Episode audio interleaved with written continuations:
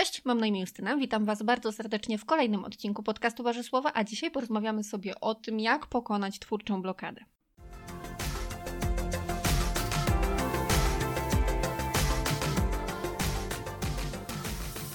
Zanim jednak przejdziemy do tematu głównego, zaczniemy sobie od kącika kulturalnego, a w nim dzisiaj porozmawiamy o dwóch rzeczach, o serialu i o audiobooku. Zaczniemy od serialu.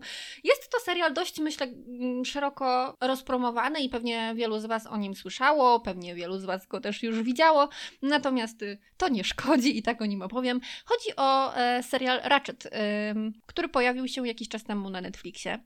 Jest to serial twórców American Horror Story i nie wiem jak dla Was, ale dla mnie to już zwiększa oczekiwania i, i mam je bardzo wysokie, szczególnie, że ostatnimi serialami, jakie oglądałam tych twórców jest American Crime Story i dla mnie ta, ten sezon o O.J. Simpsonie to jest po prostu serial idealny. O takie seriale nic nie robiłam i rzeczywiście poprzeczka była bardzo wysoko, ponieważ co tam zrobiła zarówno Sarah Paulson, jak i inni aktorzy.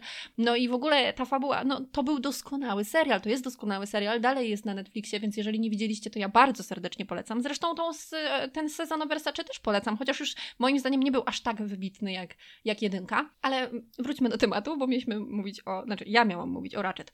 I ten serial jest moim zdaniem wizualną perełeczką. Naprawdę.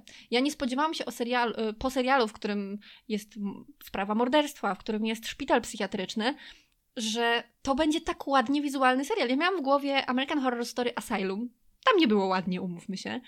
I taki jakiś miałam obraz w głowie. A tutaj się okazało, że te kolory są tak pięknie nasycone, że, ci, że wszyscy są tak pięknie, doskonale ubrani, wszystko jest po linijkę, że każdy kolor do siebie pasuje, że to wszystko ma ręce i nogi. Nawet sale, które służyły do pewnych, jakby to powiedzieć, e, niemiłych rzeczy, żeby nie spoilerować, były naprawdę estetycznie śliczne.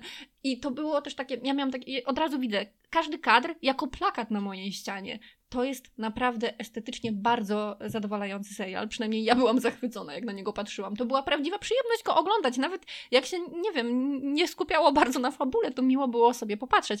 Jeżeli jeszcze mówimy o tych takich dobrych stronach tego serialu, to zdecydowanie Mildred Ratchet, czyli Sarah Paulson, no to jest 100 na 10. Ja uwielbiam Sarę. Ona jest jedną z moich ulubionych aktorek, jest genialna w każdej roli. Ja jeszcze nie widziałam, żeby ona coś sknociła i tutaj też zdecydowanie jest to najjaśniejszy punkt tego serialu i naprawdę, znaczy inni też grali bardzo dobrze, ale po prostu Sara 100 na 10, także polecam bardzo serdecznie. Natomiast, żeby nie było tak lukrowo, kolorowo i, i, i fantastycznie, to chciałabym powiedzieć, że sam serial jest dobry, ale na pewno nie wybitny. Ja oczekiwałam po nim chyba znacznie więcej. To znaczy, mam wrażenie, że tam było za mało treści. Być może ten serial był po prostu za krótki. Wiele rzeczy było liźniętych, ale fajnie by było się trochę w nie zakopać, mam takie wrażenie.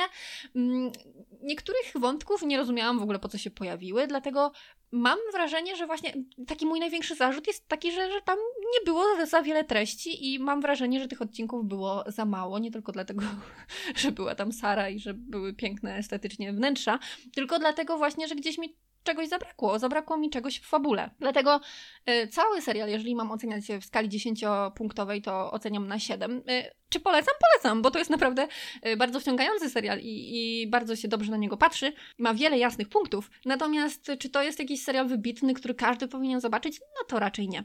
Natomiast rzecz, którą polecałabym absolutnie każdemu i z, czystą, z czystym sumieniem, z ręką na sercu, jest y, audiobook, którego przesłuchałam. Natomiast jestem przekonana, że, że książka w papierze jest równie dobrze. Na pewno, co ja gadam w ogóle za głupoty.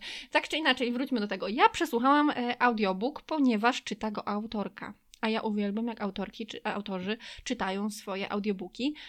A tutaj jeszcze dodatkowo czyta Katarzyna Nosowska, ponieważ mówię o powrocie z Bambuko.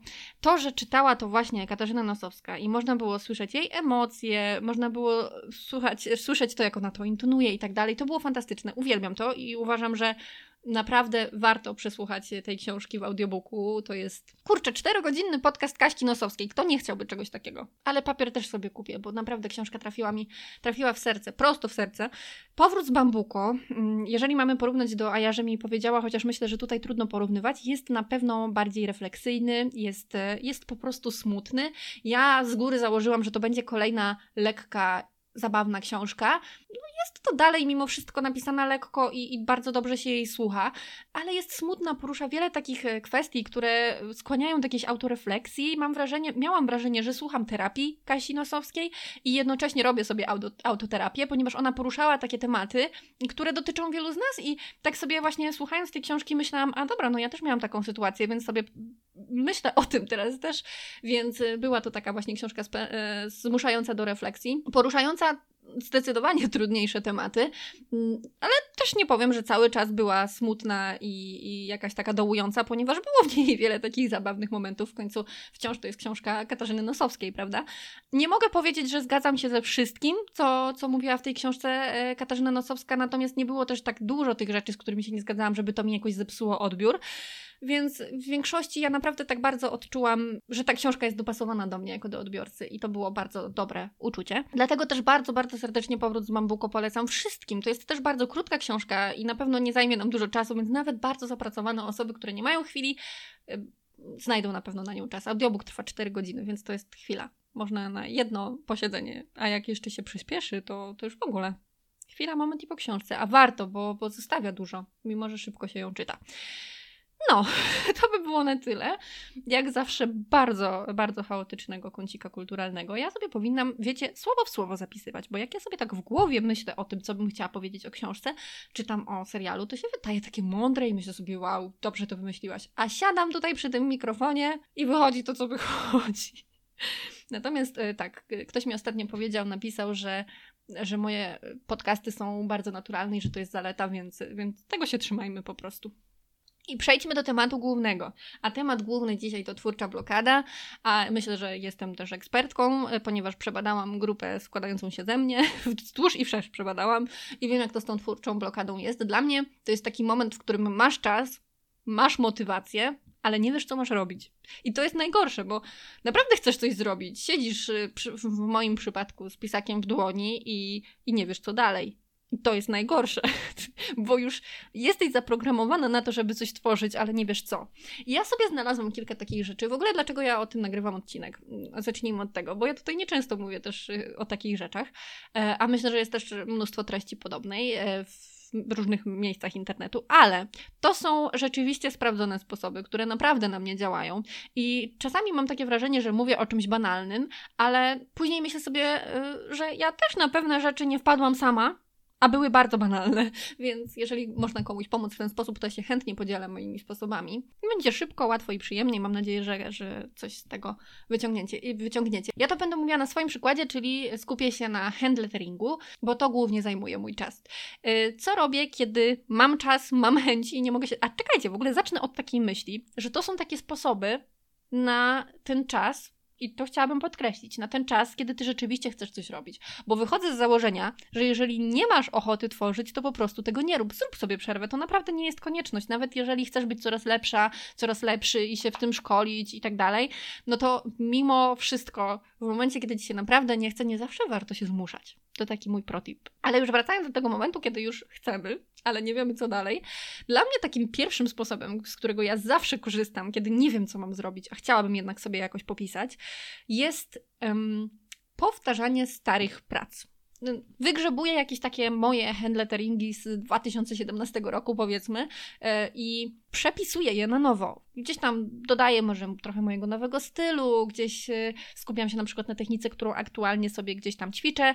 No i staram się też tym samym zobaczyć, czy w ogóle te lata coś mi dały? Czy jest jakiś progres w tym wszystkim? Jeżeli jest, to jest naprawdę bardzo motywujące i od razu się chce coś robić nowego. No jeżeli nie ma, to jest troszeczkę gorzej, ale, ale przynajmniej się troszeczkę człowiek rozćwiczy. Ludzie, którzy malują czy tam rysują, robią e, redrały. Teraz to bardzo ładnie powiedziałam. I bardzo po polsku, ale no ale tak jest, tak to się nazywa, no co ja mam powiedzieć. E, a właśnie ja sobie robię takie e, rewrite'y nie, to brzmi okropnie. Ja myślę, że bez względu na to, co robimy, czy na przykład, nie wiem, e, czy piszemy, czy rysujemy, czy robimy na drutach, to zawsze możemy powtórzyć tę naszą pierwszą pracę i zobaczyć, czego się nauczyliśmy i czy zrobiliśmy progres. A jeżeli nie, to, to co z tego też? Właśnie przynajmniej sobie coś robimy, przynajmniej działamy, przynajmniej przynajmniej się staramy, to się liczy. Także takim moim e, pierwszym sposobem na to, żeby pokonać tę twórczą blokadę i twórczą niemoc, jest przerysowywanie, przepisywanie tego, co już kiedyś zrobiłam. Mam już jasny pomysł, wiem, co mam robić, wiem, jak coś e, rozłożyć i tak dalej, nie muszę się za bardzo skupiać, po prostu działam. I to jest super rzecz. Drugą taką e, rzeczą, a raczej miejscami, które są bardzo inspirujące, bo właśnie tutaj chciałabym powiedzieć, że jak nie wiemy, co mamy zrobić, to możemy się po prostu inspirować. A teraz mamy tyle miejsc w internecie, żeby się inspirować, że naprawdę warto z tego korzystać. I ja właśnie mam takie miejsca dwa.